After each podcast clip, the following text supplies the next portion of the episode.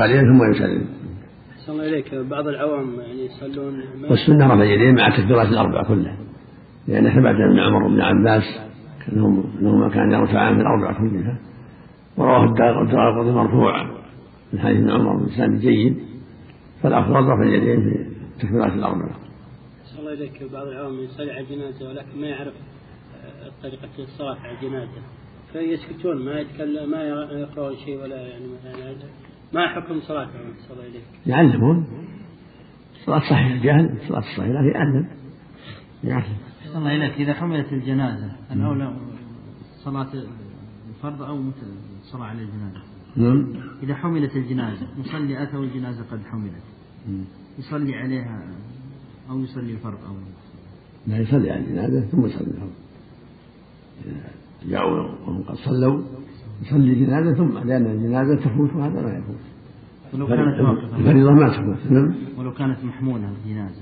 لا لا يروح يتبعهم انتهى سبي يتبعهم في القبر شيعها قراءة بعض العلماء للصلاة على الجنازة في المسجد.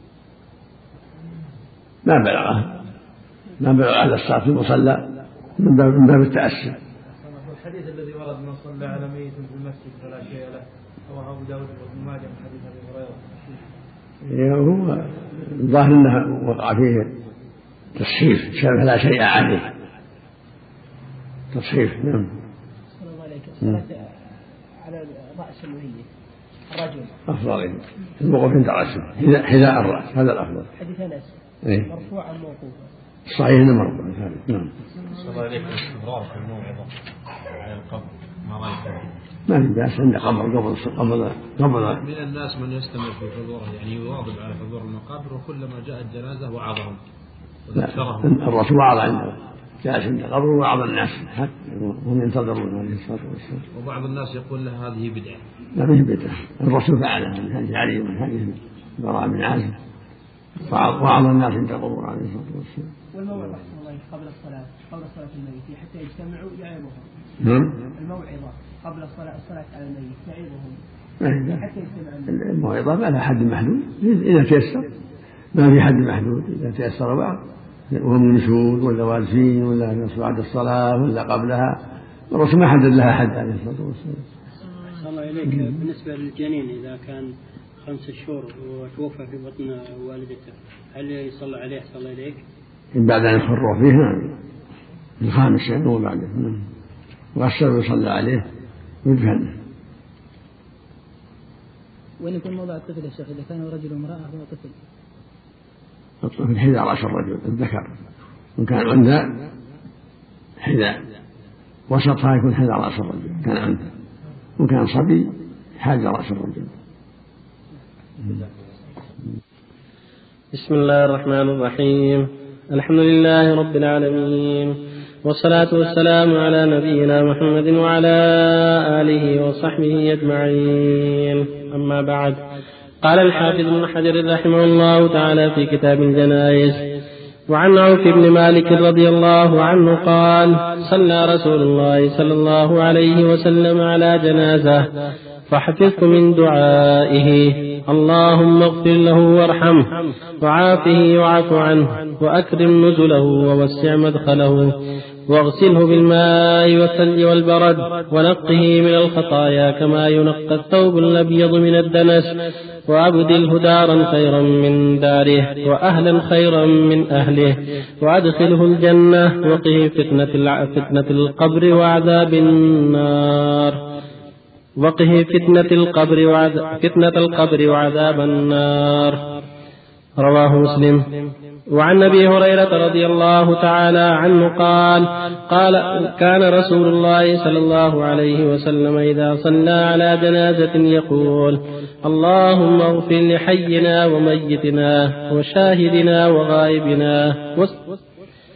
وعن أبي هريرة رضي الله تعالى عنه قال كان رسول الله صلى الله عليه وسلم إذا صلى على جنازة يقول اللهم اغفر لحينا وميتنا وشاهدنا وغائبنا وصغيرنا وكبيرنا وذكرنا وأنثانا. اللهم من أحييته منا فأحيه على الإسلام. ومن توفيته منا فتوفه على الإيمان. اللهم لا تحرمنا أجره ولا تضلنا بعده. رواه. رواه مسلم والأربعة. وعن وعنه رضي الله عنه أن النبي صلى الله عليه وسلم قال إذا صليتم على الميت فأخلصوا له الدعاء. رواه أبو داود وصححه ابن حبان. وصلى الله عليه وسلم. الله وسلم على رسول الله وعلى آله وأصحابه. أما بعد هذه الأحاديث كلها تتعلق بالدعاء الميت حين الصلاة عليه. الصلاة على الميت من الفرائض. واجبة على المسلمين أن يصلوا على أمواتهم فرض كفاية إذا قام بها من يكفي ولو واحدا مكلف كفى. وفيها فضل عظيم. حتى قال عليه الصلاة والسلام من تبع الجنازة حتى يصلى عليها فله قراط. ومن شهدها فله قراطان. قراط ما قراطان قال مثل الجبل العظيمين الصلاة عليه فيه أجر عظيم وفيه خير كثير وفيه نفع للميت كما تقدم. ما من ميت مسلم يقوم على جنازته. أربع رجل لا يشركون به شيء إلا شفعهم الله فيه.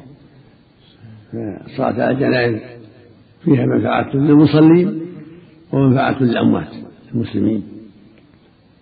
وفي حديث عوف بن مالك أشياء رضي الله عنه بيان الدعاء اللي كان يدعو به النبي صلى الله عليه وسلم للميت بعد التكبيرة الثالثة اللهم اغفر له وارحمه وعافيه واعف عنه واكرم نزله واسع مدخله واغسله بالماء والثلج والبرد ونقه من الخطايا كما ينقى الثوب الأبيض من الدنس وفيها اللهم ابده دار خير من داره واهل خير من أهله. اللهم لا تحرمنا اجره ولا تضلنا بعده.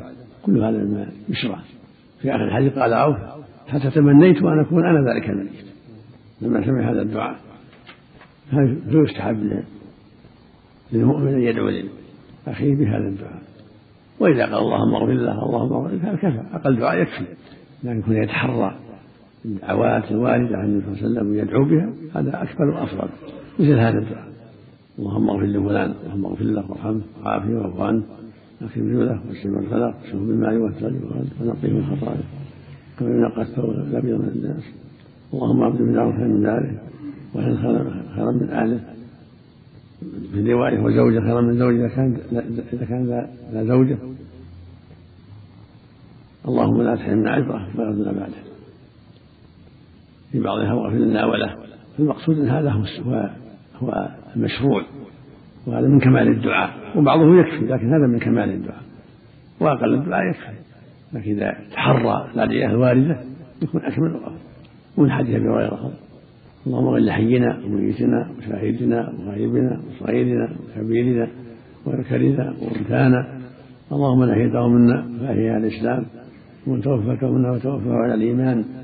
الإسلام يعني بعد الظاهرة والإسلام لا يكون مع إيمان وتوفى الإيمان يعني الصدق والإيمان الصادق. هذا الحديث أيضا فيه الدعاء العام للمسلمين جميعا. اللهم اغفر لحينا وميتنا وشاهدنا وغائبنا وصغيرنا وكبيرنا يعني من المسلمين. اللهم نهيت والنافع في الإسلام وأنت وتوفى على الإيمان. انتهى الوجه الأول.